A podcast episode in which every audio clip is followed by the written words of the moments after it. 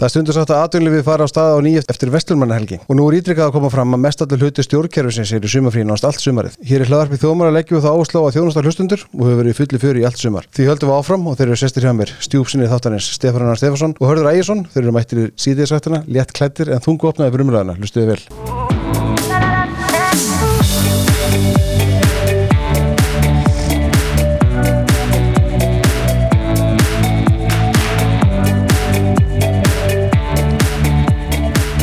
Mættir, sessir og kátir, drengir velkonir.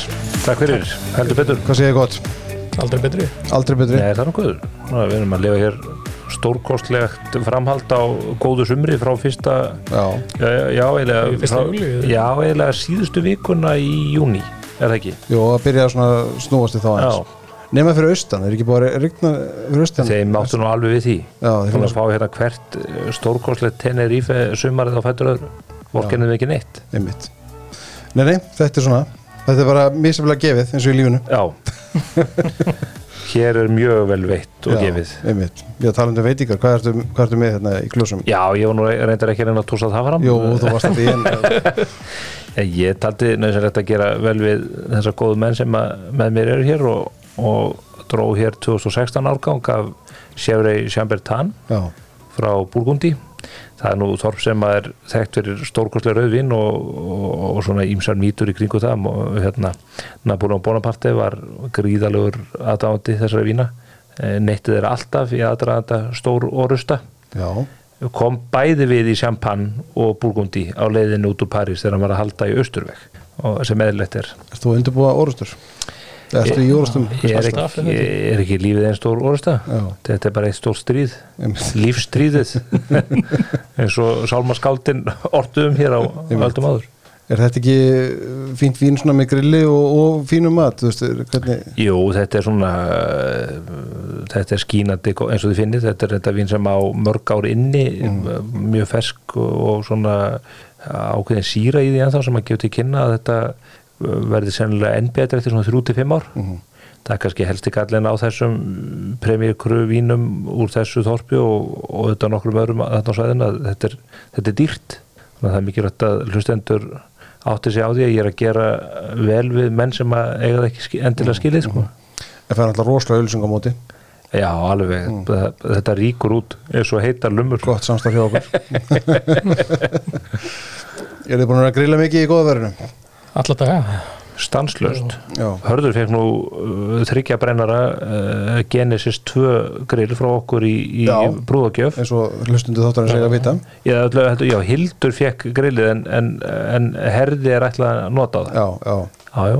Það hefur Er verið mjög, mjög, mjög, mjög vel nýtt þess að Sko, þú varst með, varstu með tjarbróil eða hvað, hvað varstu með þarna á? ég var með minni útgáfu af, af viðbegrilli Já, þarna litlu ferða og það eru eitthvað smíðar í Kína. En gen, nei alvöru eh, algjörð drasl, en Genesisinn það er svo típa það- og þessi þryggja brennagrill, þau eru smíðið í bataríkjunum miklu þykkara eh, efnið í þessu. Og það er ekkert mál á kvöldustu dögum að ná hittanum á þessum ferlíkjum upp í svona 350 gráður einmitt. það er þetta að kosta kannski halvan gaskút já, já. Nú er svo völd að segja gaskút, bara í sjálfsögða. Í orkunni. Já, orkunni Já. Hérðu, ég Ætli, þú hefur verið að skipa okkur að vesla við þá ég er eitthvað svo fastur í Þetta voru að svona vinsæli tilmæli frá mér. Já, já, ég, já, ég er með algjörð samanskupið en ég, ég fór að enn einn í ger endur nýja gasbyrðirnar að fylla á tvo svona 10 kíló kúta og þar lendi ég svona undarlegri uppákomi eins og þetta í borgarni sem daginn þar sem ég sagði ykkur frá því þegar ég var beðin um að skilja bílleiklan eftir að mig ég dældi. Og ég var ekki með glóður eða eitthvað, ég meina það var ekki eins og stæðu utan á mér, ég myndi ekki burtu. Varst girtur og allt saman. og þá segi og ég er að dæla bensin á bílinn kem inn með tóm, tóm tilki og segi get ég fengið nýtt tilki eða áfyllingu? Og þá segir nei. Og ég hvað- er það búið? Nei, þú voru að borga fyrir hilkið áður en við getum skipt. Ég segi, ég er að dæla hérna og þú veist, ég ætla að borga þetta saman. Já, nei, þú voru að borga fyrst. Ég segi, ég, en ég er að dæla hérna bílinn. Ég fæ að festa hérna elsneti í, í tanka bílsins hjá mér eða tank bílsins á þess að ég sé búin að borga. Ég borga bara eftir. Nei, nei, ég þurfti að klára að dæla á bílinn kom inn og borga og svo fekk ég kútina mér leið bara eins og bankaræning hvar er, hvar er lánströstið? Já, það er greinlega ekki mikið að það. Nei, en uh, þetta er þetta sjálfleist í þessum sjálfsölum hjá orkunni. Já, ég þarf að fara að prófa þetta. Það er sniðut Hérna árum fyrir um lengra Ég var að áhugavert vitur hjá þér í síðustu viku við Gunnar Jakobsson í var, var að selabókstjóra fjármálustöðuleika, Já. var að selabánkstjóri fjármálustöðuleika, hann er lögfræðingur að menn Þú varst með vitur hann í dagmáli morgunblansins Já, í kjölfar viðtals við Yngva Örd Og tilhengni var nú þessi smágreislulös sem að stjórnvöld vilja nú koma upp og vilja við hættum að nota Visa og Mastercard í Já, að, einmitt. að borga svona fyrir helstu Einmitt. svo þeir skilja við þurfum að nota kannski kreditkortakerfin fyrir uh, uh, flug, farmið að kaup með flugfélum og slíku og ekki mikið leining um þetta eða það eru skipta skoðanir á Það þessu er átökum þetta og Gunnar kom og skýrði málsitt bara vel við, hann er aldrei komið þannig settið áður og, og var uh, bara hinn glaðasti og, og, skrafreifin með, með afbreyðum af, af sælabankastjóra að vera.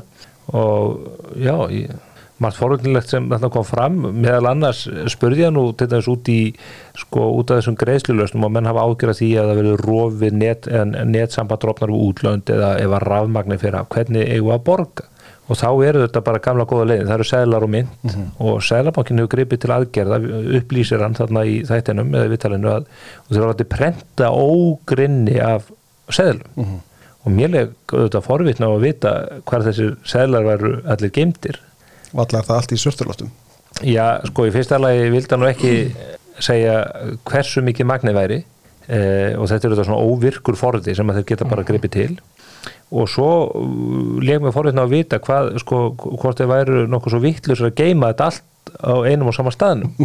Ef að það erði bara einhver uh, sprenging eða, eða ef að sælabankin er tekin uh, í herkví. Og þá gætu menn ekki losa sælan út. Ekki nema þess að tækja hann í herkví þeir myndu þetta að reyna að losa það væri vantarlega tilgangurinn með innrásinni í bankan og, og, Gunnar fór nú svona já, ég segi ekki undan í flæmingi en það var, svona, það var augljóst að hann bjóst ekki við spurningu Nei, það var alveg, já, hann átti ekki vona á henni sko. ég held að það sé einhver leynileg sælageimsla á einhverjum svona absúlt stað undir uh, sko uh, hérna bara undir einhver stórti sveit eða, Já, bara undir gamla franska spítalum á fáskúsfyrði þeir, eru, þeir eru með já, eða einmitt Pablo Escobar þurfti náttúrulega að grafa þetta út um alla Kolumbíu á sínum tíma sko. Þetta var svona Já, ætli, ætli, pæling í þessu ætli Selabokki gerir ráð fyrir rýrnun í, í þessu? Það er að segja sko þegar þú felur peningengstar vantilega er þetta einhverjum geimsluðum sem eru lofteldar og það sé svona eðlilega rýrnun. Já, Ég veit ekki, ég meina, maður spyr sig er Gunnar til dæmis með stóran garð? Þyrft að gera, gera fara með málmleita tæki, hvort það kemur myndina þar við þurftum að komast að þessu hérna þú þarfst að fá gísli bróður góðvinnur hans okkar og sem hann Örn Arnason. Já, við skilplanu fá bróður hans til að mæta niður þáttina hann hann Stefán Arnason sem er aðal fyrir þeirri selabankars já, það er, rosalegt nafn að bera. Aðal- hann veit þetta allt saman. Ég, og er hann á svona counter eh, svona eins og fjehirðar í böngum býður hann eftir því að menn koma og takja út hjá sér? Það er hann lítur að viti það hann líður allt Já. Ég var hringja. hann einhvern farið í þáttin eða við ringjum í hann það var þetta sniðut svona að taka bara eitthvað hérna, sketsir í þættinum og ringja bara í menn svona, sem, oh, sem ég ekki vonaði já, kannski menn sem að við þurfum ekki eins og að segja að þú ert í beinu útsendingu þetta er náttúrulega þannig ekki beinu útsendingu sko, en þú ert þér í upptöku. Já, ve velja bara einhverjum svona menn sem eru augljóslega pappakassar gegn einhverjum sko mikilvægum verkefnum en eru bara aldrei í spotlightinu og komaði bara over blessaður Stefán Arnarsson. Hérna, hvar geymið allar seðlana? svaraði nú. Já. Hver er þetta með lifi?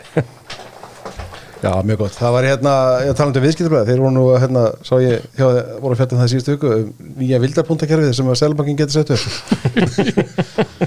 Hvað það er? frábæra tilluga frábæra tilluga að nafni á því kerfi Já, þannig kringu smágræslu Já.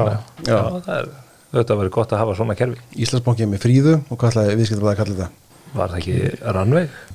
blasir við Já, Annarkvæmt rannveig eða í, í minningu unnar Gunnarsdóttur hafa það bara unnur já, einmitt. það væri ég mann þá til, ég vann í Sparisjóðu Mýrasíslu einhvern veginn og þángað komur stundu til mín seðlabankastjórar sem voru á leið í lagsveiði eða eitthvað á ferðinni. Og þeir voru kannski að taka út penning og þá, þá gerðu menn þetta ég tala bara eins og ég sé sko skólapróð Jón Sigursson þá komu menn og gáðu út ávísu Já, og leistu svo út, komið bara og skrifuð ávísun rifan á heftinu, ávísana heftinu og aðfendu gjaldkiranum og hún var stempluð inn og, og menn leist út penning og þá, í þá daga var Sæðlabankin með eigin bankareikninga fyrir þessa menn og starfsmennina já, og það var banki, þið veitir, ég er í banka 0354, sem er sparasjóður gamli í borgarinsi sem er núna Arjón en það, sá banki, Sæðlabankin hefur bankanúmrið 0001 Já, og þetta voru bara ávísanahefti mert Sæðlabanka Íslands.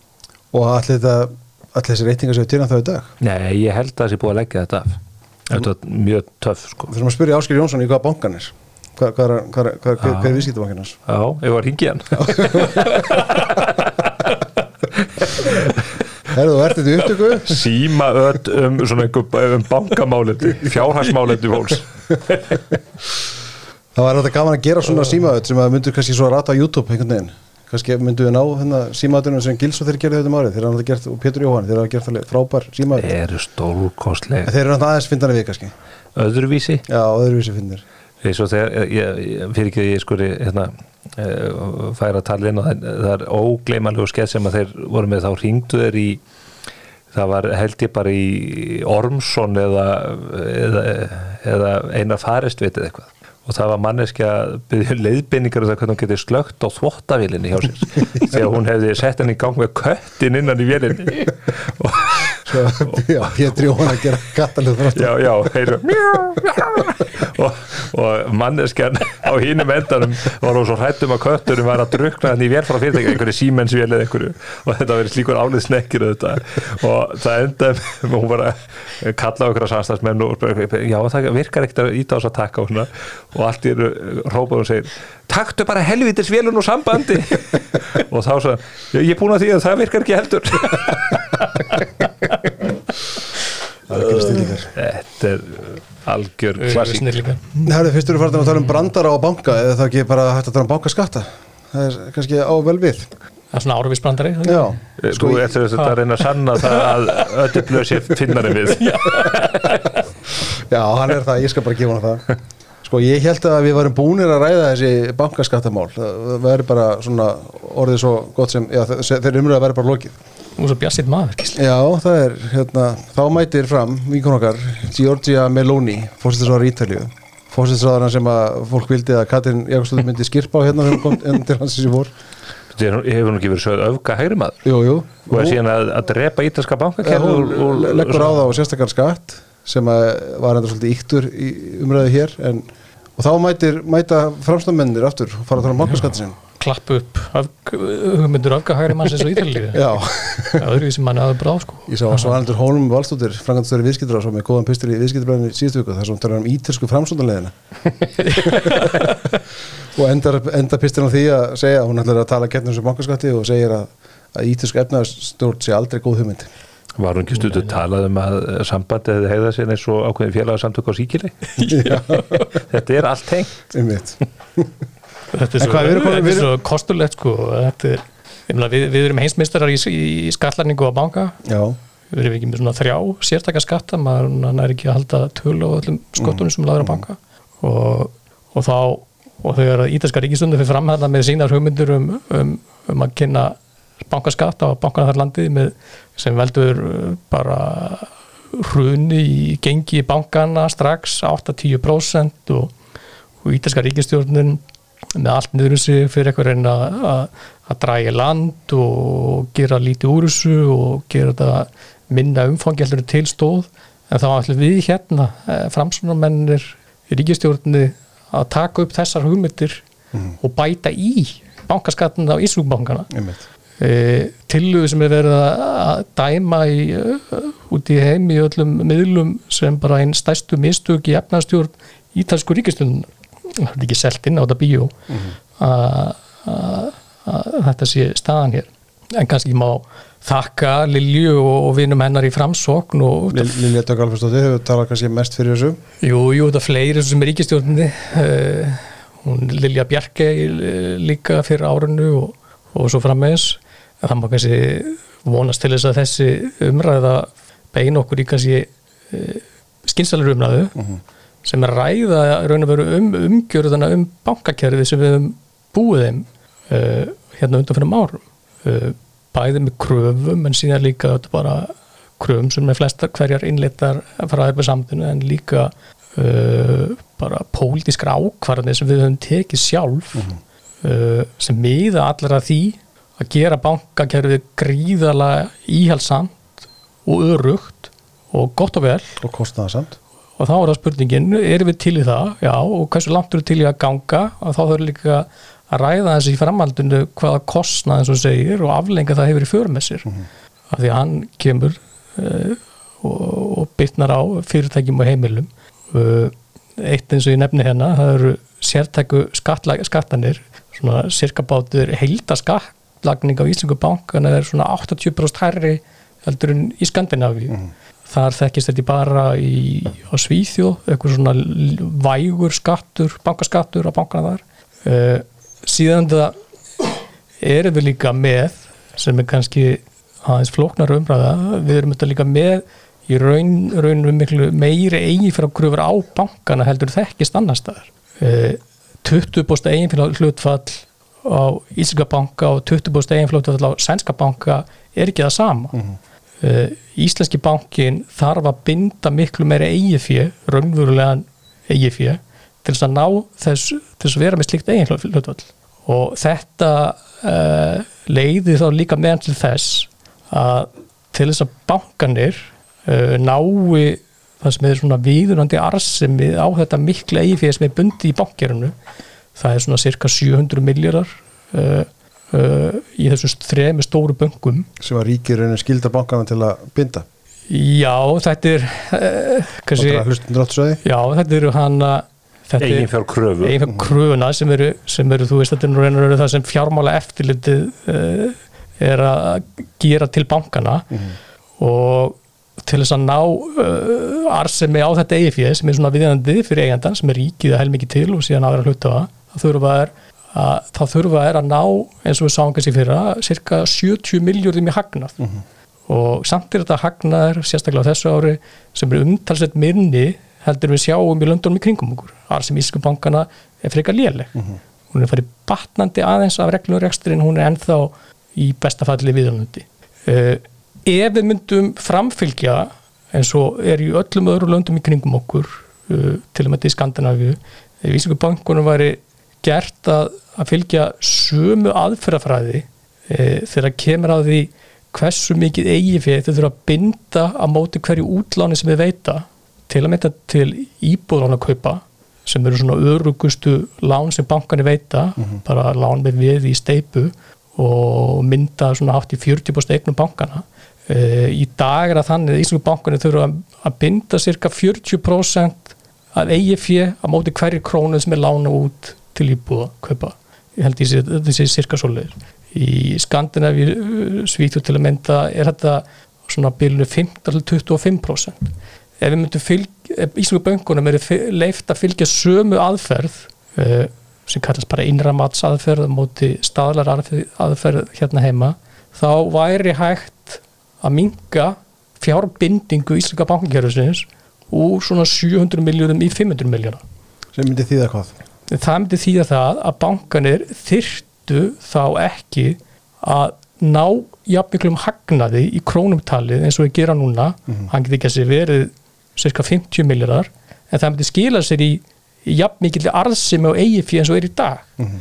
þetta myndi því að það á móti að vaksta munurinn sem við kvörtum allir yfir að sé svo mikill í svo bankjörfi mm -hmm. en engi spyr sig á móti af hverju er það svona mikill er að vegna þess að við búum þannig með nútana um umgjuna bankir að þeir þurfa að vera með þryggjaposta vakstamun í staðan fyrir 1,5% eins og í Skandinavíu. Þessi vakstamunum geti farið minkandi myndi fara hækkandi ef við sitjum hvarregarska þá? Það væri ekkert jafn auðvitað lífinu að það myndi augljóslega gerast. En okkar ágæta vinkona Ríla Dögg uh, sem að hlustar hún á þáttinn hún veit þetta alls saman. Hún, eh, hún er auðvitað hún er núna alveg markvist sínist manni í að sína á vinstrir í vangin mm. trekk í trekk uh, í einhverjum svona long game ef maður orðað þannig, er það ekki? Mm. bæðið vantarlega í einhverjum svona formaslag sem verður urgla innan framsóknarflokksins eftir einhver tíma og við vitum auðvitað betur til vinsaldafalli í flokknum að, að hafa tekið svona slægi sem er svona vinstri sinnaðri áherslu Já, já, ég Og- alveg pólitíkin á bakvið Já, þetta, þú já. veist, og, og segist til að hjálpa heimilum og eitthvað svona, sko, ég meina þetta er, veist, og síðan auðvitað líka heimilin finnst bara þessi hagnaðardómur. sko, eh, þeir munum kannski halda næsta landsþing í Dalasísli, ég veit það ekki en, en mér finnst uh, hérna, mér finnst verra að hlusta á þetta frá Lilju vegna þess að maður veit að hún kann á þennan marka, ég meina hún er seðlabankamanneskja, hún skilur bankakerfið og gangverkið. Hún veit alveg hvað, hvað áhrif svona skattheimta hefur og á hverjum hún bytnar og Lilja veit líka að þó þessar tölur hljómi háar í íslensku samhengi 15 miljardar hagnaði hér og þar að þá áttan að segja á því að arðsemin á íslensku bönkunum er ekkert til að hrópa húrra yfir. Hún er allt í lægi og sem betur fer ekki myndu vilja vera með banka hér eins og árum áður þegar útversbankin og yðnaðabankin og samvinnubankin og, og, og hvað þetta allt hér voru á kvínandi kúpunni vegna þess að menn töpuð á öllum útlánunum sem að þeir stóðu að. Og þannig að þess vegna finnst mér þetta vond og ég einhvern veginn trúið ég ekki að hún myndi hrinda svona aðgerðum í framkvæmt e, væri hún eða stuð til þess? Já, já, er hún ekki bara er hún ekki að, reikna það út að hún komist upp með að segja þetta aflega sér vinsælda en í fullkomnu trösti þess að Bjarni taki hitan á sig og að þetta verði ekki veruleik Mér fannst þið líka einhvern veginn skynja það einmitt í ummælum hennar í vikunni það sem hún sérstaklega tók fram svona í lokin að það væri nú samt vissulega ekkert búið að ræða þessi mál í ríkistjórninni og svona það mátti skilja á henni að þetta væri nú frekar langsótt Bjarni náttúrulega bent á það á móti að, eins og þú varst að gera hér að, að bankarnir sæta náttúrulega nú þegar ákveðin skattlendingu sem er umfram það sem að gerist annars staðar. Já, þetta er líka eins og Stefán segir það, þetta er engin, þótt að þessi klefa á því í fjölmjölum, ég teki eftir í bara rúf núna fyrir nokkur dögum, það er alltaf sagt bankanir hafa skiluðu með hagnaði, bankanir skiluðu með hagnaði nei, þeir eru voru ekkert að skila með hagnaði, bara alls ekki. Þeir hafa áður skilað miklu meiri hagnaði. Þannig að þetta er bara svona efnislega bara rámt, þú veist, óháð því hvort okkur finnst arsimin uh, hafa verið mikilega lítil okkur núna sko, þetta er svona bara til massum upplýsing óræðan í kringum þetta. Og ef bankanir eru, þeir sem eru, þeir eru ekki að skila miklum hagnaði eða arsemi og ef menn vilja þá var ég bara al- alveg eins gott að bara tala fyrir því, heyrðu, okkur skattleggjum við ekki bílalögunar sem er að skila 60 til 100% arsemi og eigi veit.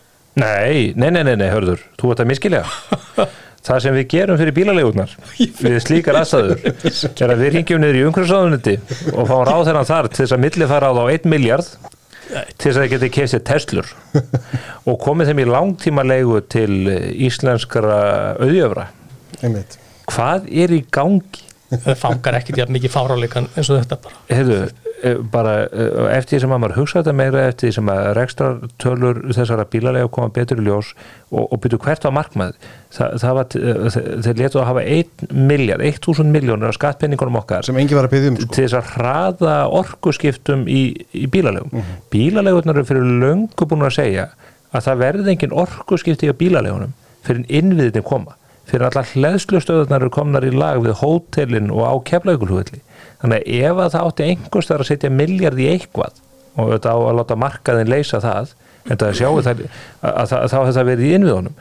Og býtur nú í bílalegurnar það er alltaf að halda áfram starfsemi hér næstu 5 árun og næstu 10 árin. Með miljandi hagnað. Sko bara hérna það hefði verið erfitt að hafa meiri hagnað út úr eitulífasölu hér á, á, á síðustu, síðustu tveimur árum. Að með þeim hagnaði munu þessi fyrirtæki fjárfesta í þessum innviðum og í þessum bílum sem til þarf. Og, og það er það sem að gleymist auðvitað í allir umræðinu um fyrirtækin sem er að skila hagnaði auðvitað ekki síst í, í sjárutuginum að eina leiðin til þess að fyrirtæki geti fjárfest í nýri tækni meðal annars til orkusbarnaðar og annars líks er að þau séu arðbær og skili góðu búi fyrirtæki sem alltaf og, og sínt og heilagt berjast í bökkum þau jaska út gamla búnanum reyna enn eitt árið að halda út á sömu gamlu druslónum og við viljum auðvitað ekki þannig hagkerfi, ég bara trúi ekki Nei, nei. Er einhver munur á því að tala um kvalleikaskatt í, í bankakerfinu eins og að tala um þú veist, auka skatt á útgerðina? Er þetta ekki, er þetta ekki bara populismi? Engin eðlismunur myndi ég segja. Það sem gleymist bara alltaf í þessu samhengi og áreindar við um líka umræðunum orkumálu núna að það er engin pólitíkus uh, með svona laserfókus á það tvent sem mestu máli skiptir. Þar sé að auka lífskeiðin í landinu þar sé að tryggja það viðhaldaði með mér skosti og það er gert með aukinni verðmæntasköpun og, og, og það sem að því leiðir að ebla samkeppnishæfni Íslands. Mm -hmm. hún byggir auðvitað öll á því að við framleiðum ykkur vörur eða veitum ykkur þjónustu og gerum það betur heldur en aðrir. Þannig að við náum samkeppnislegu forskoti. Og við erum bara ansið góði mörgu eða fyrirtækinni á Íslandi eru ansið góði mörgu nýjustu dæminu og ekstrem dæmin Keresis og, og, og klassísku dæmin Marel og Össur en miklu miklu fleiri fyrirtæki Hampiðjan og Marport og, og ótrúl Skægin 3X já, og bara sjávaröldurinn sem er að framlega þessa stórkostlu Wildcats vöru uh Mhm. -huh. en stjórnmálumennir er aldrei að velta fyrir hvernig getum við uh, laga kerfið þannig að þessi fyrirtæki verði enn betur í stakk búin til að búi til verðmæti og selja vörurnar úr landi eina sem heyrist frá þessu fólki mm. hvort sem það er á hægri kantinu með vinstri kantinu er hvernig getum við skatlat og meira mm. hvað er í vatninu niður á alþingi mm. Þetta er einhvern veginn verið komin á þann stað sko, umræðan er öll á þessu nótum svo Stefán segir, það er fókusun er allur á uh, aukna skatlegningu á þau fyrirtæki sem einhverjum stjórnmálumennum finnst að séu að græða mikið pening fókusun á regluverkið kröfunar þetta kemur bæðið frá stjórnmálamönnum eftirlistofnunum með þeim, fjármál eftirlitinu sanginseftirlitinu, uh, orkustofnununa upp á síðkasti mm. -hmm. og þetta miður allt í þá veru. En við ræðum aldrei síðan í hinn hin hliðin á tinningunum hvaða aflegginga þetta hefur síðan uh, fyrir lífskjörin fyrir hagvókstinn sem þetta óhjákvæmulega dregur úr með einhverjum hætti. Og þetta er, þetta er alltaf eitthvað svona jafnbæðislist að ná að finna eitthvað rétta punktin en við erum laungu, við erum laungu síðan komin út fyrir hann og við erum öll á þessum ás of mikil skattlagning þrúandi skattlagning uh, hefur samfélagslega kostnaði för með sér. Ekki bara samfélagslega tekjur sem félast í einhverjum penningum sem að fara niður í ríkisjóð það er á hinn, menn er að brenna hinn endan upp. Mm. áratugi var, voru einhvern sjálfstæðarflósins lausnar orðið er frelsi. Frelsið er lausnin. Horfiði til austur, horfiði til austur Berlínar, horfiði til Sovjetríkjana horfiði til ríkjana sem að auka frelsi fólks til aðtafna versus fólkið sem að, fólkið sem að haldið er í, í herkví pólitísk réttrúnaðar vinstrisins lausnar orðið er frelsi. Þegar maður hlustar núna á ráðara sjálfstæðarflósins og, og núna síðast auðvitaðningsráþarann í málefnunum sem var það sko umhverfisskattana. Já, það að þá er bara eins og að einhvernar orð uh, sjálfstæðarflósin séu lausnar orðið skattar eða skattheimta og meðan að viðreist á sér eitt lausnar orð sem er ESB bara, ef þú kemst ekki fram hjá mér ég á litla sínum, standa á svona í stíð og segja, kemst ekki fram hjá mér og segja leinorðið og maður er eitthvað að reyna að segja eitthvað Mbappe eða hvað þetta er sko. Viðreist stendur í stíðan og segir hvað er lausnorðið, maður veit lausnorðið alltaf það saman Evra. Já, já, evru, tökum evru, er bara heilbíðskerri rúst. Já, tökum upp evru sjálfstæðarflokkun er bara orðið þannig að menn bara horfa fram á nattræna stiknun eða það stefnir loftsteinn á jörðina eða, eða það er heimsfaraldur. Hvað er lausnorðið? skattar, meiri, meiri, meiri skattar. Já, það eru mál sem við þurfum að ræða það er þess að lósunarheimildur á skipaðina en sko, þetta snýr þá að eimskip og samskip og Ísland er auðvitað háð skipaflutningum eins og við veitum bæði útflutningi og innflutningi. Hér fara flestir vöruflutninga fram í formi skipasiglinga og auðvitað fluglega líka sko, þessi lofslagsskattur sem á að leggja á svo má auðvitað ræða það sko hvort að lausnin við þessu lofslagsvanda síu skattar en það er önnur umræða. Nei, er það ekki ESB? skattar til ESB Já, skattar sem ESB leggur á. Já, sem er þetta akkurat í þessu tilviki. Um, Ísland sótt ekki um undan þá frá þessu eða neitt lengra aðlunum tíma áttu við að gera það? Já. Það hefði maður allavega mátt skoða það Veist, þessi 5 miljardar, þetta, þetta, þetta er bara svipa út af skjaldi sko, þetta er bara, við þurfum að, fá, þurfum að leggja annar rúf hérna á hagkerfið. Rétt tefnilega Þetta leggst á vöru og þjónustu inn og út úr landinu. Já, já, einskip og samskip er ekki fara að borga þetta. Það er það innflytjendur útflytjendur. Þetta skerðir samkjöndinu út úr landinu uh -huh. og þetta leiður kostnaði yfir samfélagið, uh -huh. skilur þannig að það er ekki það er ekki jákvægt og þá sem en ég byttu við um bara að axla okkar byrðar í loslas baráttinu svo aðrir.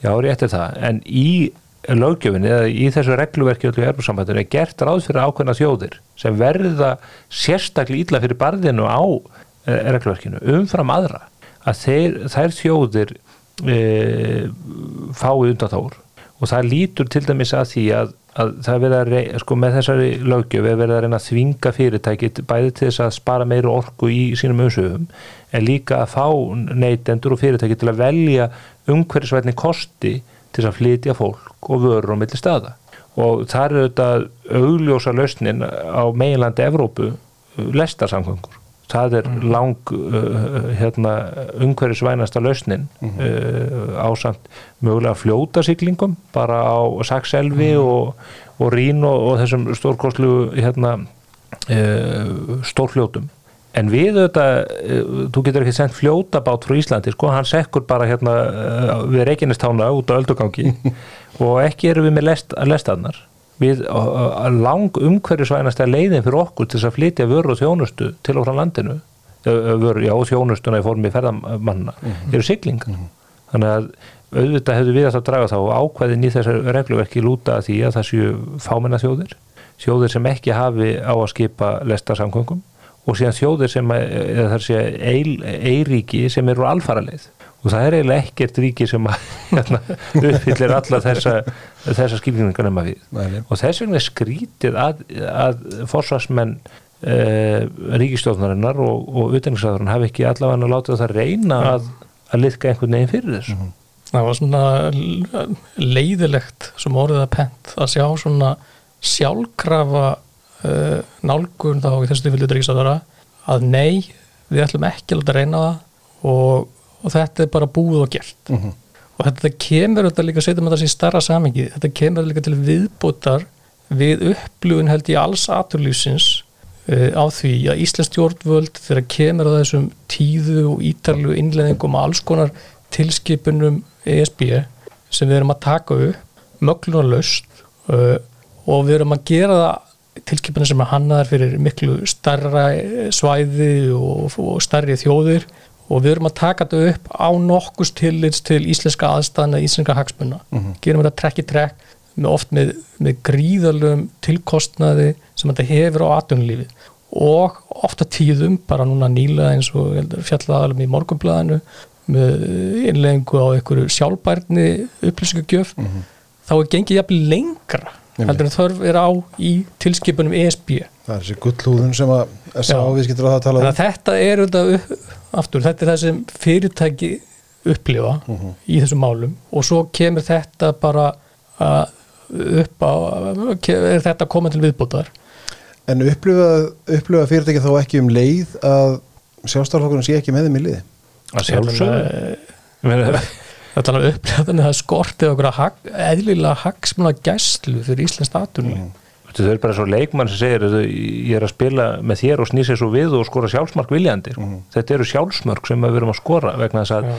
ég vil líka nefna það bara með skipafjölinn íslensku, ég þekki þannig að því að eimskip er nú skráða markað að þeir hafa verið í eh, skipasmíði, hafa verið að taka í nótkun ný og glæsileg eh, gámaskip og eru reynda með núna á teknibólunu skilsmér frekar í nýsmíði og þetta eru skip sem að þurfa að uppfylla mjög strángar kröfur og, og þóla mikið álag því að þeim er silt hér uh, til Grænlands og þurfa að vera með svona uh, hérna ísvarnir uh, virka eiginlega eins og brimbrjót uh, hérna, ísbrjótar.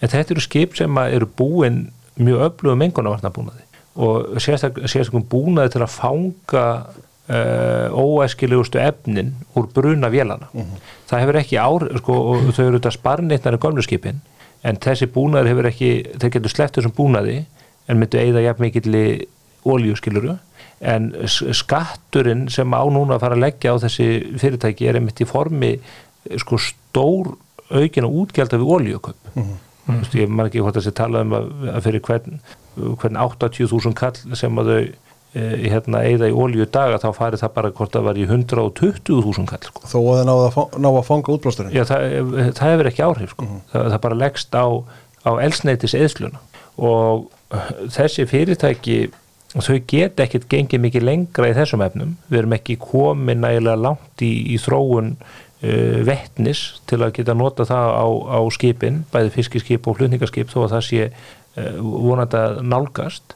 við höfum nú verið með mjög flott tilrunarverkefni með, með herjól sem hefur gengið að stóru leti fyrir rafmagni. En svo, svo stöndum við fram fyrir því að sama fólk og er að eh, leiða yfir okkur alla þessar reglugerðir þannig að peningu verið dælt í einhverja spillingarsjóði í Brussel. Það hefur ekki burðið til að tryggja það að hér sé framleitt framleitt nægilegt að grætni orku. Það er nú að með hinn hin, hin liðan að þessum penning sko.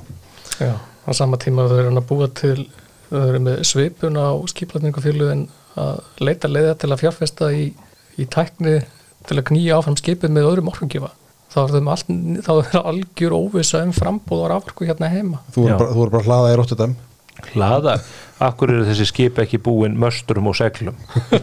Talaðum að, að hérna, virkja vindorkuna eins og gert var hér á fyrir tíð. Eða setja bara þessa menn undir árar Búið til aðtunum við róum öllum árum að því að koma þessum vörum á markaði Evrópu sem allra fyrst. Og þetta fyrir auðvitað að vera líka mjög álitið að því vorum að ræða um um sko og kannski hefur þetta að fara sinna orkumálum betur. En auðvitað fer þetta að skipta okkur meir og meir og meira máli út af þeirri miklu verðmæta framlegslu sem er að verða til á Íslandi. Ég held að sko sáraróðin frá Keresis þau eru framleitt á Ísafirði svo er þeim flóið til Bretlands. Og þau eru döðhreinsuð í Bretlandi svo er þeim flóið aftur til Íslands eh, á Ísafjörð og þeim pakka og þau, senda út í heim. Og það er að því að það er ekki þessi döðhreinsun á búnaður er ekki hér á landi og það er kannski viðskiptatækifæri fyrir einhvern að, að koma því upp. En e, síðan er það lagseldið og þetta fisk útlutningurinn allur það er ekki nóg að veiða fiskinn þó að vinstri menninir halda að það sé nóg að góna í augun á þorskinum af bryggjusbólum að halda þú eigir hann. Að það þarf að veiða hann og verka hann og, og, og selja hann og koma hann á markaði. Og við erum alveg gríðalega háð þessum flutninganetum uh, og núna virðist sem auðvitaðningsráðarann í nafni ríkistjórnarinnar sem bæði búin að klúðra uh, hagsmunagæslu Íslands, gagvart skipafélónum og fluggeiran því að þessi, þessi mjög svo íþingjandi atriði sem að verða innleitt hér þá að öllu óbreyttu eftir tvö ár munu hafa neikvæð áhrif á rekstur íslensku flugfélag samt hafa stjórnundum flugfélagan að uh, fagna því sem stjórnund hafa náð fram í þeim málum? Já, er, er, er, er, ég, þeir, þeir fagna auðvitað þessu tveggjára hérna, já. En það er bara ekki nóg og þú veist, maður skilur kannski að menn segja bara, heyrðu, við reyndum allt hvað við gátum en við fengum þetta ekki í gegn og, og við fengum ekki undan þá þó að reglurnar hvað á um það en þessi stað erum við bara með hægri menn við völd að segja nei, nei, nei, nei, við ætlum ekkert að aðhafast í þessu við viljum að þið borgið þessa skatta Hvað veldur? Eru, eru fulltrúar sjálfstæðlósarordir fulltrúar kerfisins? Já, þegar að ekki bera svör frá ráðuneytunum og, og með kvarta þá er bara sagt, já, við erum svo fáliðu, við þurfum fleira starfsfólk og, og, og hér er allir fríi. Já, það er ekki bara stýtting vinnuvíkana, það er líka sömfrí Þetta er bara í utenriksráðuneytunu starf, starfar á annað hundrað manns, Já, já, á annað hundrað manns sem að engin veit hvað almennilega hvað er að gera og, og þau reynda að starfa um það byrj fjóra dagi viku því að búið að styrta vinnuvíkuna hjá opera markanu sem ekki var hægt hjá stjættunum sem er að framlega verðmætin sko. Og, og, og, svo náttúrulega ég var að taka þetta saman sko. Hefðu, að því að var, voru þessar fréttir á skattinum sem að þið voru að hlýtja fréttir af gísli.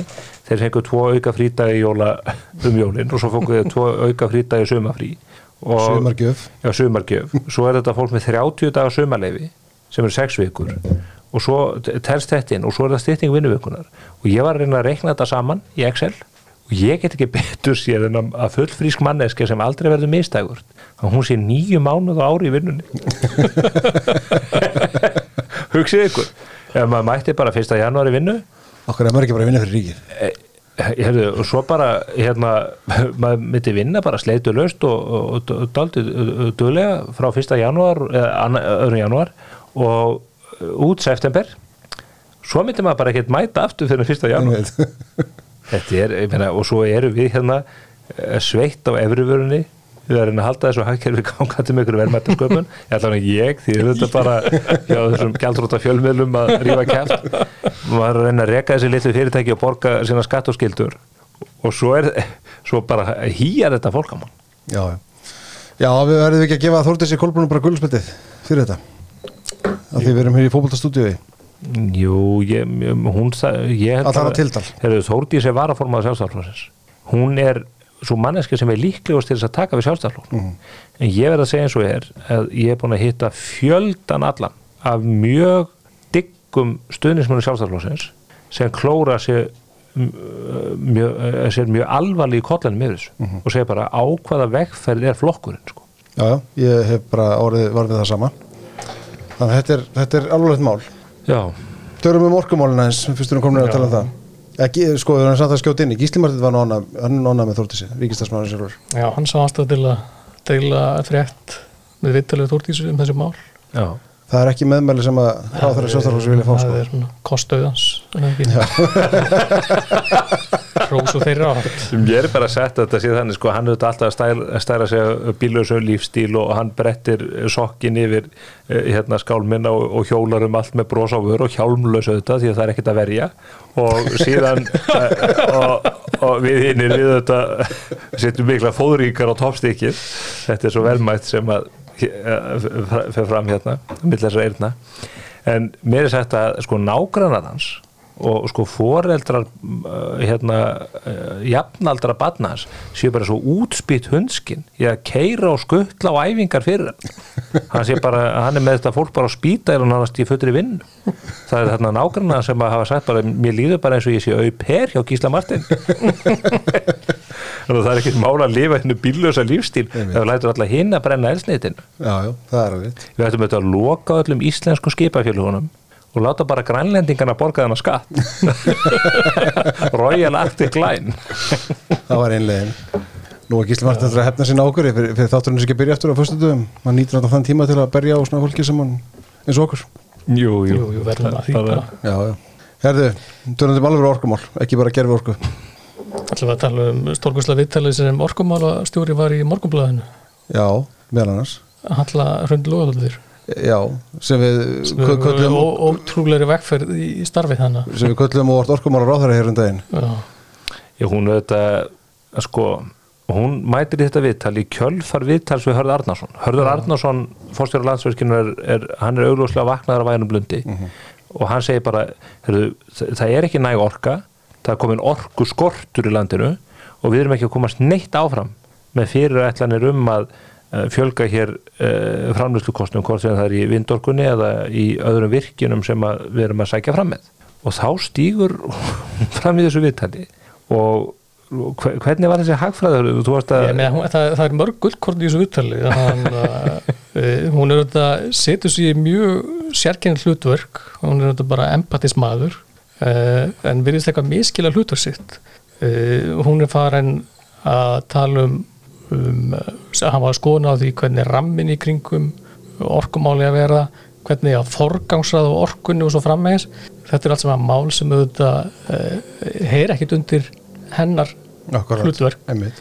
sem eftirlýsaðali e, og síðan fyrir hún og, og, og svo ég vitni orðréttinni vittalni það sem hún segir að hún tekur fram að við munum halda áfram að sjá umfram eftirspurn og skort á raforku á næstu árum og segir það óháð því hversu mikið raforka er framleitt hverju sinni. E, nú eh, skil ég að það er litla sem ég kann í hagfræðin allana e, spyr mér þú hva, hvernig má það til að vera? Er Eh, í hvaða hagfræð er það kent að þú þóttu aukir frambúði af, af raforkunni að það hefði ekki áhrif Á eftirspundina. nema er að vera þetta- skilt í þetta- sumaskóla landvendar það er þetta þetta spyrna ok, eru samkvæmt þessari hagfræði þá eh, þetta fullir það að jafnveg þó við myndum reysa hérna alveg gríðarlegt kjarnorkuveru bakgrænsi eh, sem að framleitir 50.000 megavött á ári að þá er þið samt orkuskortur. Orkan er þið alltaf nýtt og hún var nú að nýta þetta í gagnaverin. Já, já, það, það, það það, væri- það var hálf kostulega sko, fyrirsögnu að viðtalinu var vanda þar til leifisveitingar mm. nú er orkustofnun og, og fóstur hennar allan að vera ljóst að hún er lítið að hugsa um orkuskipti. Að sama tíma og stjórnvöld allstæðar ríkjum í kringum okkur eru að leita allra leiða í að einfalda regluverki til að liðka fyrir uppbyggingu uh, á endurlíu orku. Þá erum við að fara hérna í tver öfa átt og orkumálastjóri er það fremstur í flokki. Uh, nýjasta dæmið er að það tók átja mánuðið afgreða virkjunarliði fyrir kvamsvirkjun Akkurat. uh, sem alla jafna á að taka 30 daga. Og og hún var svo reikið tilbaka með það úrskurðundinni út af hverju? Vegna þess að hún vandaði ekki til verka. Var hann að senda sjálfur sér skilabóð í þessu viðtali? Nei. Nei, hún talar líka létt út í vittalinn og segir sko Það skipti ekki eh, máli, Nei, nokkri þetta- dag, eitthvað, Mánuður. dagar eða mánuður skipti ekki máli Það er einmitt það sem að fórstjóður landsvirkinu að segja. Þegar Þetta er ekki spurning um dag og mánuði. Hér eru bara virkjanaverkefni að tefjast bara um ár og jafnvel ára tugi út af því að kerfið er svo þvælt og rugglað og ólíkt því sem að eh, við hefum að venjast í öðrum löndum. Eh, ég ætla að fá að nefna í þessu sambandi því hún er að tala um að það skiptir máli að vanda sig. Og það þarf að veita þessu fólki öllu aðhald. Í mæ var greint frá því að orkumálastjórin var í statur í Argentínu. Og hvað var hún að gera þar? Það var til að ræða loftslagsmál og orkuskipti. Og þar hitt hún Santiago Cafiero utanríkisráður Argentínu. Og svo segi hér í fréttavísi Halla Hrund, orkumálastjórin kvatti utanríkisráðurann með gjöf sem var mynd af viðfrægri markvörslu Hannesar Þórs Halldórssonar á víti Lionel Messi hérna ok, svo segir hér þráttur í gríni fór vel á með argentísku stjórnmálamönnunum og þeim íslensku stjórnmálamönnunum. Og í tilkynningu segir að Cafiero hafi til að Argentína taki virkari þátt að sviði norðurslóða. Eða Argentína bara stöðt á suðurslóðum sko? Og hafa ekkert með það að gera. Þú ert líka bara að tala um eitthvað embætsmann sko. Erðu, og, og í kjölfar þessa komið og þá þessu menn byrju, hvað er orkumálastjórin að gera í arg, akkur er hún ekki bara á tunglinu bara, hva, hvað líka mörkinni þessu? Þá fór, fóru menn að skoða og viðskiptablaði meðal annars að, að, að frá því að hún tók við sem að ég held að hafi verið í hvort það verið 2020 áspyrjun 2021 held ég að þá nemur ferðakostnaður orkumálastjóra 6 miljónum króna. Það er auðvitað dýrt að, að sigla með skipafélónum en já, hún er já, hún er þess að á 13 mánuðum nei, hún, í, hún er búin að fara í 13 ferðir frá því hún var skipuð í april 2021 Einmitt. þetta Það er kom fram í fréttin ef ég maður rétt til, til að taka þátt í um, um umræðum loslasmál og, og fleira það myndi fyrir ekki að þú, þú, þú, segir, þú ert bara embæðismæður sko. það, Heyrðu, það er það ekki þitt hlutverk er- að bóða þú ert ekki einhver bóðberi frálsar hugmynda í loftasmálum í heiminum sko. Heyrðu, sko, það segir að hérna að í svari orkustofnunum við fyrirspöld viðskiptablasins að Hallarhund væri mjög eftirsókt eftir uh, í því að flytja erindi á erlendri grundu. Og þannig hefði hún þannig meðal annars á þessu ári farið í svo kallar vindorkuferð á vegum grænvangs til Noregs. Væri hún ekki ráð að sleppa því að leysa þennan vind og leysa orkuskortin á Íslandi og reyna að koma einhver og, og, og, og þessi ágættu stjóri sæti bara við borðið sitt og inn í vinnuna sína. Því að þeir, eru, ger- þeir voru gerðið þarna afturreka með kvansvirkjun vegna þess að þeir tóku ekki tillit til vatnatilskipunar Európsambandsins í sinni vinnu. Og þau áttu bara að gera það. Ef að það er löggjöf eða regluverk sem erum sett undir þá átti stofnunin ekki að, að, að, að kiksa á því. Já, já. Þetta, er- þetta er, er, ber allt saman sama brunni. Embætismadurinn tekur völdin til sín ráðherran í ríkistjórninni halda hlífiskildi yfir þessum sömu embætismönnum mm viti ekki hvern fótinn er ekki að stíga þegar kemur að stæstu hagsmunum á landsins og orkumálum og ekkert gerist? Og áfram bara vellur þetta sama kjæftæður Guðlúð Þór er enda núna og það, það má neyga og ég hef nú nefnt held ég hér áður að hann er með í pípunum sammenningu í missa stofnana. Og hérna hef ég- meðal hans meðal hans orkustofn Já, orkustofnun er þar undir. Og þar hlýtur þetta að koma til álita með, með þennan embæðsmann hvernig hann hefur gengið fram og, þetta, og svo sem ég að sko eitt er að samina stofnanir og sum, suma stofnanir þarf að samina og aðra ekki þetta en ég minnist þess oft þegar maður ja, að því ég kefti nú í spurningakefni hér á árum áður þar sem ég fekk meðal hans það verkefni að læra nöfnin á öllum embætismönnum Íslenska ríkisins. Já. var það ærið verk og þar var alltaf svo gaman að, að leggja minnið nöfn tveggja manna. Annar þeirra var veiðistjóri og hinn var veiði málastjóri það, voru, það var sikkert embætti. Vegna þess að annar þeirra gætti að velferð fiskana í ferskvatninu og hinn að fi- fiskunum í, í saltavatninu. Já, og auðvitað, það þarf að taka þetta kerfi og, og laga þetta til. Og það er annað sem að mér langar til að nefna hér á þessu góða vettvangi að því að við erum í þessu prívat samtali hér, vinninir að uh, það þarf auðvitað líka að skoða með þessar stofnanir sem að tengjast umhverfismá, umhverfistofnun skipulagstofnun, orkustofnun og þetta.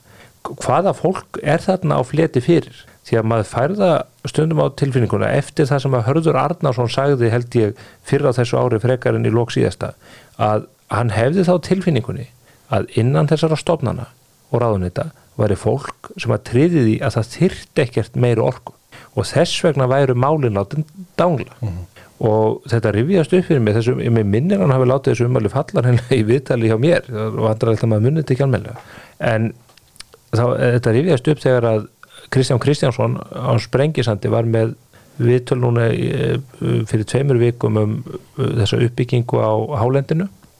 Og þar mætti stjórnamari landvend Ástís Hlökk Theodórsdóttir sem er fyrrum forstjóri skipulagstofnunar og skipulagstofnun hefur staðið mjög í vegi fyrir ákveðnum framkvæmdum. Til dæmis í tengslum við lagningu uh, rafstrengja og raflína sem landsnett hefur þurft að leggja. Og maður spyr sig, getur verið að stjórnkerfið okkar sé bara orðið undirlagt af fólki sem ætti bara he- heima í landvend og einhverju þrýstisamtökum en ekki sem embættismenn og, og, og, og áhrifamenn inn á stjórnkerfi sem sem slíks? Ég, bara, ég velti þessu upp vegna þess að það er eitthvað að í landi þar sem við stöndum frammi fyrir orkuskorti og við stöndum meira sér frammi fyrir sko, skorti á heitu vatni mm -hmm. sagði nýjustu skýslu Ísor sem munni var fyrir umhverfisáðandið bara í stæstu þéttbíliskjötnum landsins stefnir í það að það verði ekki nógu mikið heitt vatn. Við munum bara þurfa að fara í kallt bað. Já, það þurfti að skamta heita vatni síðasta vetur. Já, menn sögðu ég að það er búið svo kall lengi sko en hefðu, Ísó segir bara það stefnir bara í viðvarandi skort á heitu vatni. Þá þá fólk bara að fara að sjóða vatn. Einmitt. Nei, nei, það er ekki skrítið samt að kannski margt bennil fólk sér rugglegar ímennu varandi þessi mál að því bara þangur til að nýlega þá var þáverandi fórstjóri næst stæsta orkufyrirtækis landsins orkuveitunar, Bjarni Bjarnason sem lítast stöður núna í vor hann var trekk í í viðtölum að tala um að það væri engi þörf á að virkja meira á meðan að hinn fórstjórin, Hörður Varnarsson sem stýri stæsta orkufyrirtækinu talaði algjörlega í hinn áttina Hvað fær Bjarni til að tala svo? Ég, Það er augljóslega rátt, sko hann var náttúrulega í skjóli Dags B. Eggerssonar í orkuveitunni Já, já, þetta er bara ákveðin ég- er þetta ekki bara ákveðin uh, sértrúasöfnuður en, en eru það ekki Ég komið menn þetta lítur út allt saman að það undirliggjandi er þetta málflutningur þessa fólks sem á þannig orðu komast er að það er megi leysa innan gæslepa þannig orkuskor með því að loka bara stóriðinni Mhm.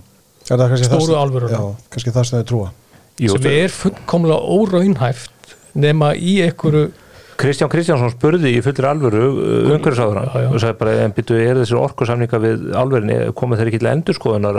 Er, er ekki hægt að bara taka þessu orku eitthvað annað? Og fólk setur ekki í samhengi hvað áhrif það hefur á lífskeiðinu landinu. Og maður hefur það bara tilfinningunni og, og kannski maður horfður eins og bílu plata hérna að það sé bara verða eitthvað konsensus eða uh, fólk sé bara fara að samþykja það að bakka upp uh, pólitískar reyfingar sem að ætla í, í umhverfistilgangi og öðru slíku að skerða lífskeiði hér verulega. Því að það er bara það sem gerist ef að ég meina það er bara gríðarlegt högg fyrir Íslands þjóðarbú ef að eitt álveri myndi loka. Bara krónan myndi hér fara úr, uh, úr jafnvægi og, og hvaðina ef við sko fyrir kynsluðu lögðu mikið á sig til að byggja hér upp virkjanir og fleira, byggja upp hérna, hitaveitu og mm. veist, við búum þessi lífskeiði í dag af því að við tókum þessu ákvarðinu fyrir og mörgum það ára stefnum margt í okkar kynslu að skila auðu í þeim efnum. Já, mér finnst svolítið Guðlúð Þór uh, sko er ágættur í, í þessum þessum ræðum sínum með þessu mál og segir viðbárum gæfu til þess að virkja þetta viðbárum gæfu til þess að fara í orkuskipti 1, viðbárum gæfu til að fara í ork- orkuskipti 2, við hljótum að hafa eða bera gæfu til þess að fara í orkuskipti 3 það er að minna Guðlúð Þór á það að hann er ekki samtíða maður Gunnars Tóraðsson og Jóhannesson Nordal við bárum ekki gæfu til að taka þessar réttu ákvarðanir. Það eru kynnslóðnur undan okkur. Núna stöndum við frammi fyrir stórum ákvarðunum sem að verða vegnar og metnar á vogaskálum söguna síðar. Og það er mjög margt sem bendir til þess að menn muni horfa tilbaka og segja bara hvað? Ákvaða vegg hljópið þetta fólk? Það eru allar þjóðir. Antonio Guterres meiri sé eh, hérna sá ágætti maður í saminuð þónum rittarinn þar eh, er að segja við, við þjóðunar hraðiði græn, grænni orku uppbyggingu í sól, í, í hérna, vindi, í vassafli, í jarðhita. Losum okkur undan kólunum og oljunu og gasinu. Hér eru menn bara viti sínu fjær. Já, já. það er bara eins og að ekkert hér séu allir á einhverju með því.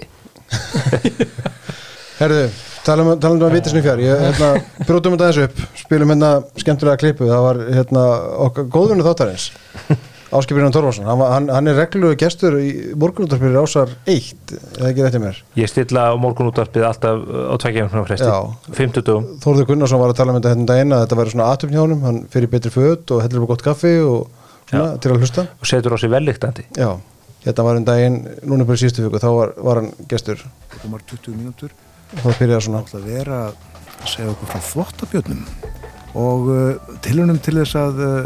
já, koma upp, já ég segi ekki íslenskum uh, stopni en, en uh, hafa hér þvottabjörni Já, flutningi á þvottabönnum hingað til lands á fjórða áratug síðustu aldar og um, já, nokkur önnur atriði úr sögu þvottabönnarins á Íslandi. En uh, nú er Ásker Brynja Torfarsson komin til okkar. Hann er uh, sérfræðingur í fjármálum, fylgist vel með uh, efnaðasmálum, játum allan heim og uh, við ætlum að uh, fara, fara víða í dag. Velkomin til okkar Ásker Brynjar. Takk fyrir, góðan daginn. Góðan dag. Við töluðum um Kína þessi síðustu viku. Já, þvottabennir voru nú vinsæl gjöf held ég hjá auðvitaðningisráðurum Kína til kollega sinna þegar þau voru að fara um heiminn ef ég mann rétt. Já, pandabirnir. Já, panda, já. það er ekki sama á þvottabennir. Uss, nú afhjúpaði ég dýra mistök mín hér. Höldum okkur við hagfræðina. Mm. En Við fjöllum svolítið vel um Kína síðast en það er búið að vera Höldum okkur við hagfræðina. Það var fínum fjöllun í Svona spil svona að vissi hvað um það- það líka. En það komu tölur. Þetta var frábært. Þetta var skemmtilegt. Þetta var uppbrót þáttarins. Já þetta er um, það er eitthvað við þetta að bæta það Nei, ég er ekki bara að lega þessu. Tala símál ég satt heima og var að borða serjósið þegar að þessi sena barst í gegnum viðtækið. Og þetta er þetta óborganlegt. Þetta er frábært. Ef hann byggir vestmannum þá er hann aldrei kallar annað en áskil þetta.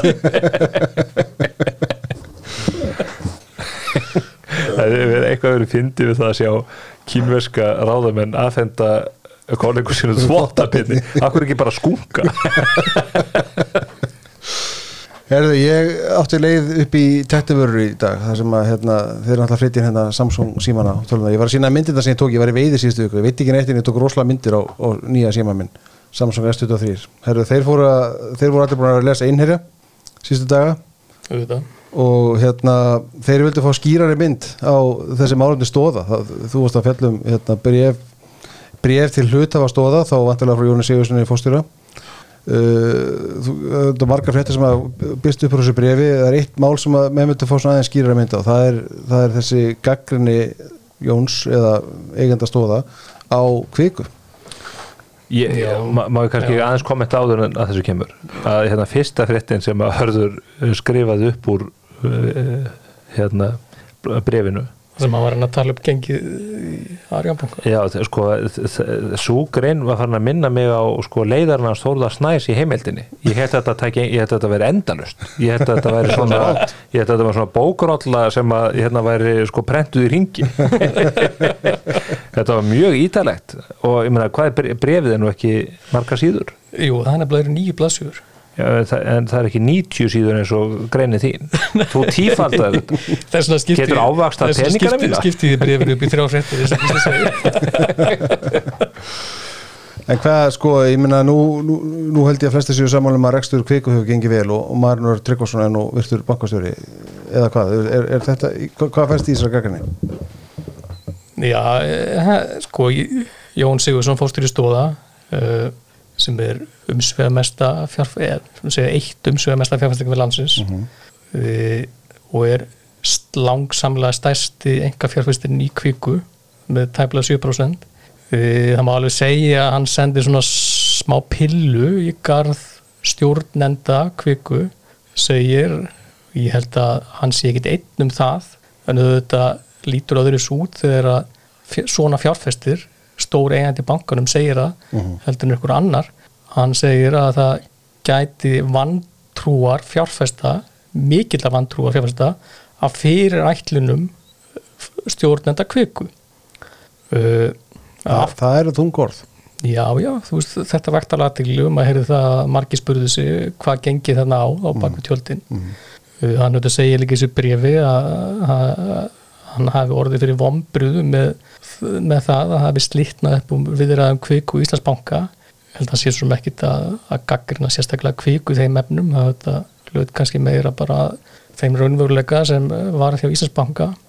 Uh, en samt svona lætur að því liggja að það hefði svona furða sjá því að, að viðræðinar hafi fengið að ganga svona lengi á þess að fengið spotn í þar hvort það sé gaggrin á kviku veit ég ekki, ég held að það væri svona ómaglegt uh -huh.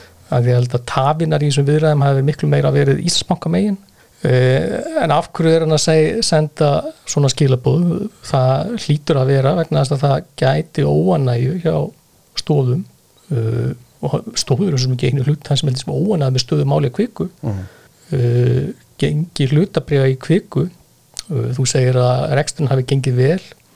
Já og nei hann er ekkert gengið sérstaklega vel undarföndu uh, Arsimin Já, ég hef kannski frekar nú Arsimin hefur, já, þú veist kvikabanki hefur svona ólíktinu böngun, mann gefur allt upp Arsim og efnislegt eigi fjö uh -huh. sem sýnir þá Arsimina svona frekar góða. En ef þú horfir á Arsimin á bara heildra eigi fjö þá er hann ekki sérstaklega góð. Hlutabriði verið að þetta hefur lækkað í kviku um einhver svona 40% frá því að toppaði í loka ásins 2001 þegar að stóðir notabenni selduð þriðingunum sínum brefum á hæsta mögulega verði mm. e, hvort að að hverjum beinis gaggrinnin, þú veist Marun og þetta er bankastjóri, jú það greinilega gætir einhvers einhverja óanægu gagvart honum en ég held líka bara breyðar í grunni um að menn Uh, þurfum við að koma betur skilabúðum áleis út á markaðin það sem þeirri kvikabanki er að vinni þetta eru alls konar hluti sem eru búin að vera viðskjöldaþróun í gangi hjá þeim, uh, þeir eru að gera sér gildandi á fjártakni markaði með auði. Uh -huh. uh, og svo framvegis og þeir eru þetta keiftu sér inn í fastegnaþróunarfélag í Breitlandi fyrir um árið síðan. Það hefur verið svona allan að markaðin hefur ekki trú á þeim áformum. Og hann var að segja með stóði aftur, stóðir er ekki hvaða fjárfæstar sem er, ég held að það séu ekki margir fjárfæstar á þessum íslenska markaði sem er svona ja, mikið lítið upp til eins og stóða það sem þeir segja hefur gríðalega vikt þeir eru þetta stæstu hlutaðan í símánum stórir í Arjónbanka og svo mætti lengi telja. Það sem stóðir eru kannski dálitu óvenjuleg stöðu í kviku ólít flestum öðrum fjölum sem þeir eru stóru hlutafar í að því stóður eru bara með þessum yfirlista fjárfæstefnu að vera virkir fjárfestar og það væri gaman að væri fleiri slíki fjárfestar eins og markaði. En í tilfelli kviku þá eru stóður ekki með neitt stjórnamann mm -hmm. uh, þeir voru með tvo stjórnamenn svo ég svona fara aðeins aftur í sugana í TM sem samennaðis kvikubanka 2001 þeir fóru úr þeir eru ekki í stjórn samanhansfélag Einar Nólásson var kærnistedd og, og að stóðir eru kannski ekki sérstaklega virkir þegar kemur að aðkomu að þessar exin í kvikku uh, af hverju er ekki með stjórnamenn það má kannski bara líka vera vegna þess að þeir hafi viljað að geta keift og selt hlutabrið í félaginu án þess að vera með þær höfnlu sem fylgja að vera með, uh -huh. með stjórnamann í kvikku uh, þannig að En getur verið þessu óþreyju fullur að geta losa hlutin? Já, það er kannski næstu punktin með að koma að. Ég held að þetta sé nú undarlegin því. Ég held að þeir hafi verið mjög áfjóður í það að þessi sammenningu í Íslandsbanka myndi ganga eftir. Uh, hvort þið séu samansins í dag, veit ég ekki. Vegna þess að það veri góðu leið fyrir stóðir þegar þessi banka myndi renna saman og þeir myndi bara vera með undir tvekkjapastar hluti í samaninu félagi að losa út hlutin á vonandi fyrir þeirra hagsmunni uh -huh. skapleira verði heldur en gengið er í dag í kvikubanka. Uh -huh. Ég held sé ekki launagamála að, að markaðurinn gefur sér það að, að stóðir séu ekki áfjóður að vera hlutafið þarna í kvikum mjög lengi. Eru ekki bara pyrðar yfir því að hafa losað á seint? Jú, þeim allan að tókst, held ég er ekki margir fjárstæð sem tókst að selja uh, hvað þriðjum brefa sinna, nokkur að posta hlut Já, á genginu 28 einmitt í nómundumsdeit en jú, þú veist það er gengi búið að rekka um 22% á einu ári og 9% á þessu ári þannig að í kviku en þetta er Já, ég ætla að man ekki eftir í, ekki oft áður að svona, svona stór hlutafi í skráðufélagi hafi komið svona ofinberlega út með svona beitta gaggrinni mm. gagvart yfirstjórn uh, þess félag sem hann er hlutafi í. hvernig á kvika að taka svona gagginni Ég meni, ég vænti þess að þetta svona svona pilla aftur sem kemur ekki, kemur ekki eitthvað tómurúmi, það er vantarlega eitthvað gengið á undarfærið, eða eitthvað samtölu annað og þetta vantarlega eru menn að ræða málun í framhaldinu og, og bara En gera er betur ekki, í restinum. munum en ekki tendra upp í þessum viðræðum að nýju? Það er ljóst að ríki það getur ekki keitt sig niður í Íslandsbanka út af öllu ruglinu í pólitíkinni. ég er ekki vissum það sko. Það maður sjáðu hvað aftur hann að tala um það í brefinu fórsturinn stóða fyrir að vísa meðalans til þess sem er staða með kvikku að, að nú er að því að gengið er það lágt, markasverið bankans lefur yfir 80 millira bankin á TM, bankin á kvikku eignastýringu, svona 28 félag Uh, það má hæglega reiknast upp í það að það virði þessar að tveggja félag, dótturfélag uh, sé svona 60-70 millira virði.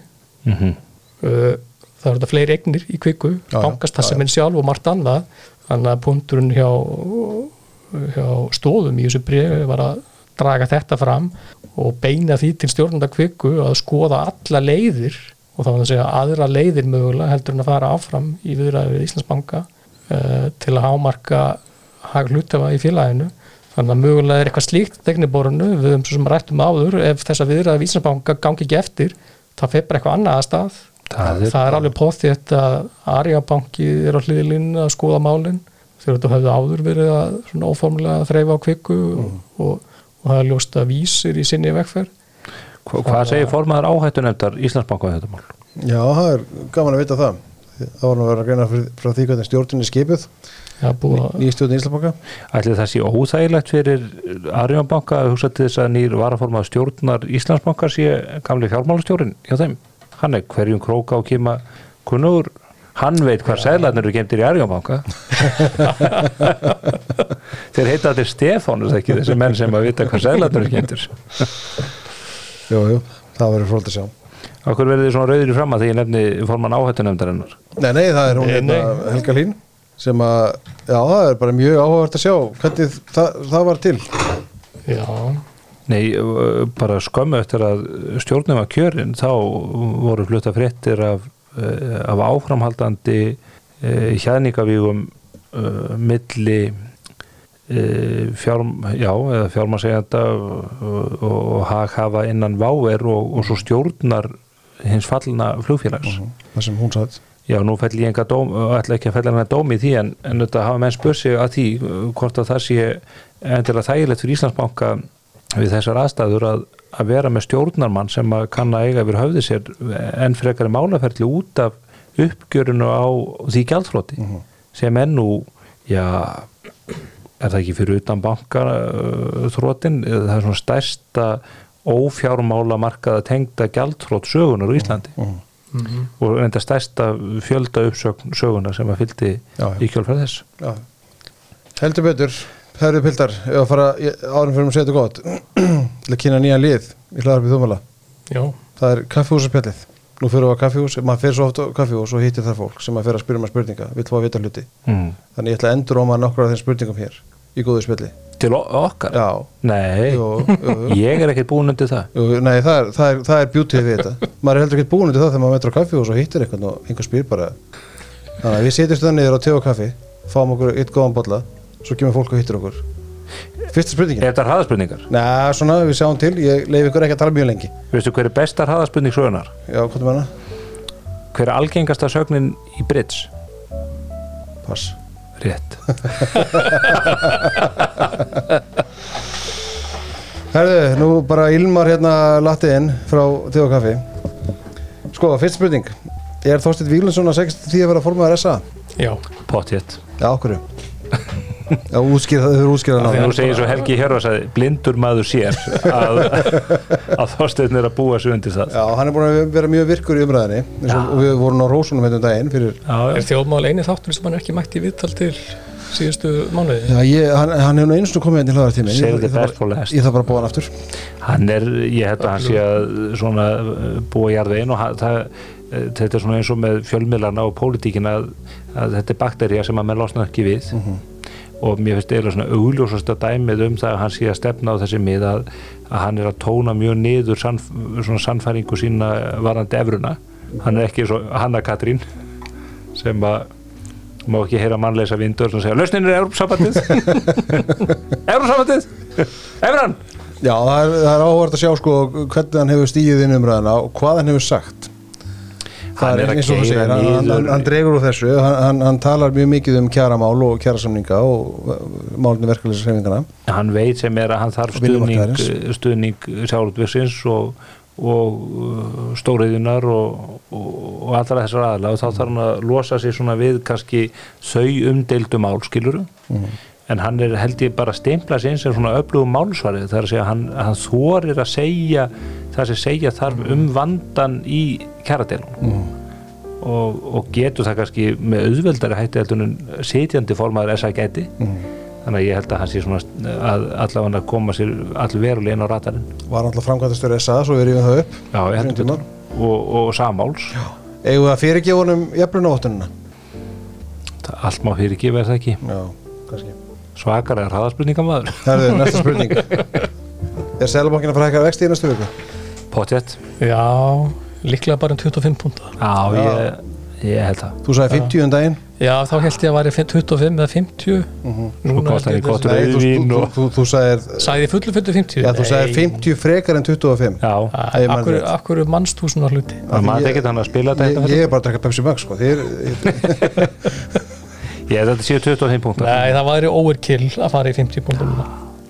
Það myndi, myndi, það myndi fólk og bara spyrirspyrir e, það myndi missa algjörlega salin held ég. Það er því engin svona skilningur held ég fyrir því hvað sem að væri að vilja bygg eða einhverju markasælum það myndi engin skilja af hverju var taka 50 púnta eitthvað. Já, vi, Það væri viljum mun þetta heldur ekki skilja að það verið 25 Nei, nei, sko. ég veit það. þannig að það er ekki já, á ég kann, hefðu, þú segir 25 Já, já, óbreyttir. já ég ef að setja veðmál já, gamla góð 100 áskallin erðu, nei, veðmál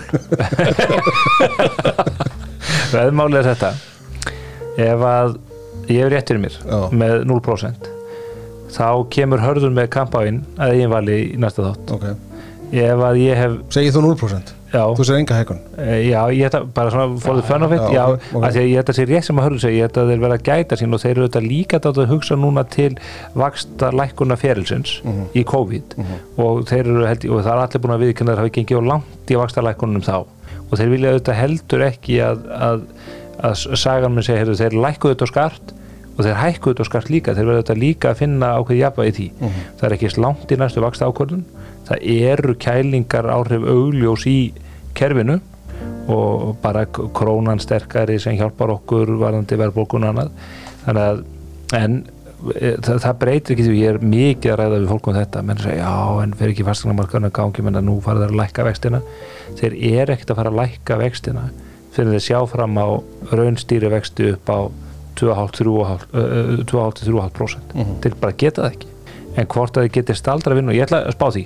Þannig að ef að ég er rétt fyrir mér með 0% þá kemur hörðun með dýra og góða kampaðslösku hérna. En ef hann hefur rétt fyrir sér? Ég, þá ger gerum við bara svo alltaf og, og, og ég mæti hérna með eitthvað og, og sullon í ykkur. Já, ég skal koma með konfekt uh, að kom þeim með Ok, Herra, ok, þetta er bara Næsta spurning, þú varst með áhvert viðtal við Guðmund Fertram í Já. morgunblæðsins fyrir þar síðustu helgi uh, þar tölu- töluðu mikið um samgöngumála vestfjörðum spurningin er þessi, er vestfjörðarlínan mikilvægur en borgarlínan?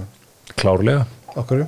uh, vestfjörðarlínar býr til verðmæti borgarlínar verður botlaus kostnaður hít fyrir samfélagi til komandi áratug mm. Hvað er vesturarlínan? Vestfjörðarlínan er, er gangnakerfi þar sem að meginlínan snýra því að koma Það er til sem þetta er vestfjörðarlína, þetta er svona orðan okkur hjá okkur. Þetta er orðanólkun hjá Guðundi já, Fertram. Já, hann vil uh, bóra sex göng til að búa til lálendisvegum uh, eða frá vestfjörðum og til uh, Reykjavíkur inn á höfbólksveðið og þar skipta sannlega mestu uh, svo kvöldu dýrafjörðargöng nei, fyrirgefiði hérna, göng undir Dinjandiseiði uh, undir Klettsáls og svo undir Bröttubrekku. Og uh, dýrafjörðargöngin eru komin uh, hérna undir Hrafsjörðarheiðina og, og síðan eru önnur minni göng uh, til að tengja byggðalögin uh, lögin á, á vestfjörðum. En þetta eru framkvæmdi sem að munu skila sér í stórbættum uh, stórbættum flæði flutninga á okkar verðmættust vör KPNG er að benda það held ég að 17 til 18 trukkar á dag muni á komandi árum flytja uh, ferskan nýslátrana lags af vestfjörðum. Og svo þetta er Guðmundur Fertaram að bóða sem að ég hef trú á því að þó að hann hafi ekki fengið um 18 miljardar út úr sölunni þá fengu vestfyrningar um það byrja 60 miljardar uh, hraðfristu úr Gunnvör 5 miljardar og, og, og þannig mætti lengi fram að telja. Og þetta fólk er að fara að fjárfesta þessum peningum í frekar atvinnuppbygging þannig að hérna við munum ekki eignast sko Silikon uh, dal Íslands, við munum eignast uh, sko sílikon fyrði já, já, slórfyrðina sem að munu búa til óendalega verðmeti úr, úr íslensku slóri. Já, hörður um ekki talsmaða borgarlinu já, já, það er bara gott hjá honum. Ekki? Nei, nei, lífur þessu gísli Nú hefði við viljað hafa okkur í mynd að sjá augdráði sem ég fekk hérna frá herði. Það er bara, hann er aldrei litið svona hattursöllum augum á mig Herði, næsta spurning, við höfum að ljúka svo hérna. Hvernig erum við að lesa í uppgjör flugfélagana fyrir fyrstu sex mánuði ársins? Nei, ég, ég er ekki þegar ég sá uppgjör í Æslandi er sem hvað byrtist í lóki júlimánaðar og það leit út fyrir að vera fínt og maður bjóst við að gengi bregðana myndi nú hækka svona rösklega daginn eftir en, en maður er ekki betri greind en svo en að bregðan voru tekið niður uh, snarlega um hvað 3% Já, það og eru búin að halda áfram að falla eru búin að lækka heldur um 15% eftir að Æslandi byrti uppgjöru gengið fær úr 2,3 í undir 2 í dag. Já, einmitt. Hann eitthvað er í uppgjörnu sem fjárfæstæðallan hefur valdið þeim vonbröðum uh, Er markaðan að gera óraunhávar kröfur til félagana? Já, æsland er þess, þessu til ekki Sko, það er alltaf, ég höfum smá fyrirvara á þessu. Það er kannski ósengjart að tala um þessi félög sem í sama sammingi, þetta er, það er mjög ólíkur ólík. eðlismunur á þessum töfum félögum það er auðvitað ekki hægt að hafa trú á framtíðarekstur í Æslandir og með þeir bjóðu upp á Nikolás Foljett kampavinnið á Sagla sko. hvaða maður selur fólki uh, farmið á 300.000 og hérna ber svo frá rúðupiss í vínflösku Já, fyrir, já. fyrir gertið sín. Eða rafgema síru eins og ég veit að þú sagðir eins og við fórstur æsland er Já, hann er greinilega ekki uh, með fókusuna rétt á stöðum því að hann hefur ekkert gert í því. Hann lætur ennþá bera þetta fyrir, fyrir fólk. Já, ég veit að bói við okkar hlustar þannig að hann bara hann lítur að taka þetta til greina. Nei, nei, þetta lítur vel út hjá Æslandi er held ég nú svona til með langs tíma það ekki? Já, það gerir það líkild að uppgjöru á þrýja fjólungi verði svakalegt. hörku, Já, já, já, já. Þannig að- og playu þetta það, allan að, það skilaði betri uppgjöru heldur en flesti áttu vona á fyrir annar fjórðum Mhm. en stóra spurningi þar eru þetta bara held ég hvort frekar en nei, hvenar frekar en hvort uh, play bunni sækir sér frekar að fjármagn mestu þeir fara skipti ekki inn í veturinn uh, án fjármags kemur og Nei, það- þurfa sterkari í að sko sjá hvernig þriði fjólungunum verður. Já. en uh, aðalatrið þetta. Þessi félög verða að ganga vel, þau verða að vera sterk. Þau verða, og það er ekki vegna atvinnusköpunum, það er bara vegna þess að þau eru líflínan okkar inn og út úr landinu í verðmættasköpun í þjónustu útflutningi. Svo njótu við góðs að því eh, sem Íslendingar að komast hvert að land sem er og á alla þessa áfangastæði og það sem við gleymum alltaf í þessu samhengi er bara að afkoma þessara félaga er beintengt við samkeppnina á, á leiðinni yfir hafið milli bandaríkjana og Evrópu.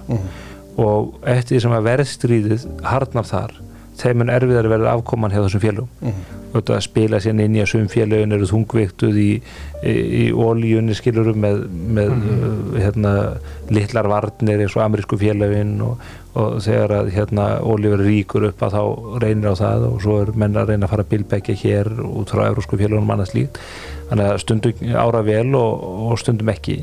En þetta er svolítið eins og með íslenska uh, og sem samkemst eftir litið fattar ekki, ekki fyrir ekkan íslensku flugfélögin að þetta snýst ekki um samkeppni til og frá Íslandi, þetta snýst ekki um fiskbúðunar á Íslandi, þetta snýst um alþjóðlega samkeppnishæfni og hvernig stöndum okkur þar þau verða bara að ganga vel og þau verða að bjóða upp á betra kampafín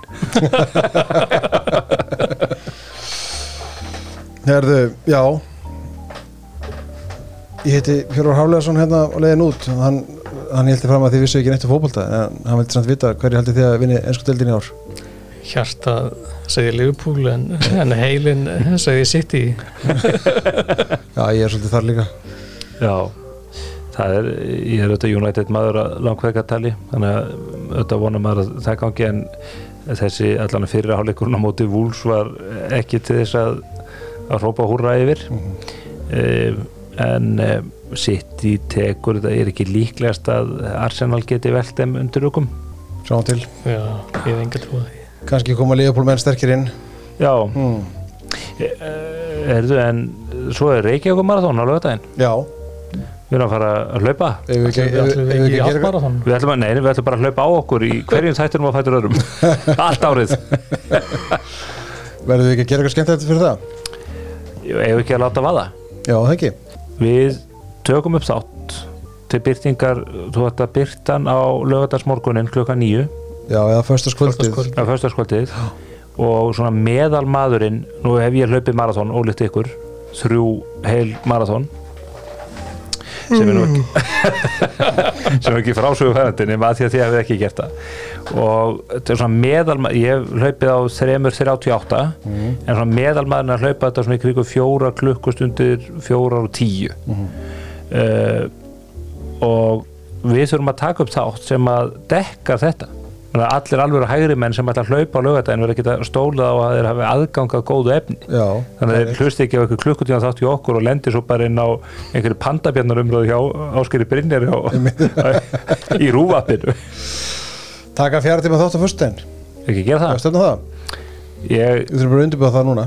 Já, við skulum eh, hérna, tökum seti við förum á uppi bar. Mhm. niður í er þeir tekja mót okkur þar, ekki?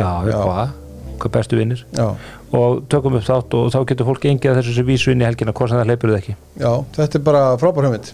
Lengst í hlaðvarp þáttu sögunar Þá bara sjaldan að Stefán far góða hugmyndir þá kom þarna inn, mjög góð. Herði, það fara að segja þetta gott. Svo fyrir þeir verið. Drengir, takk fyrir komuna. Takk.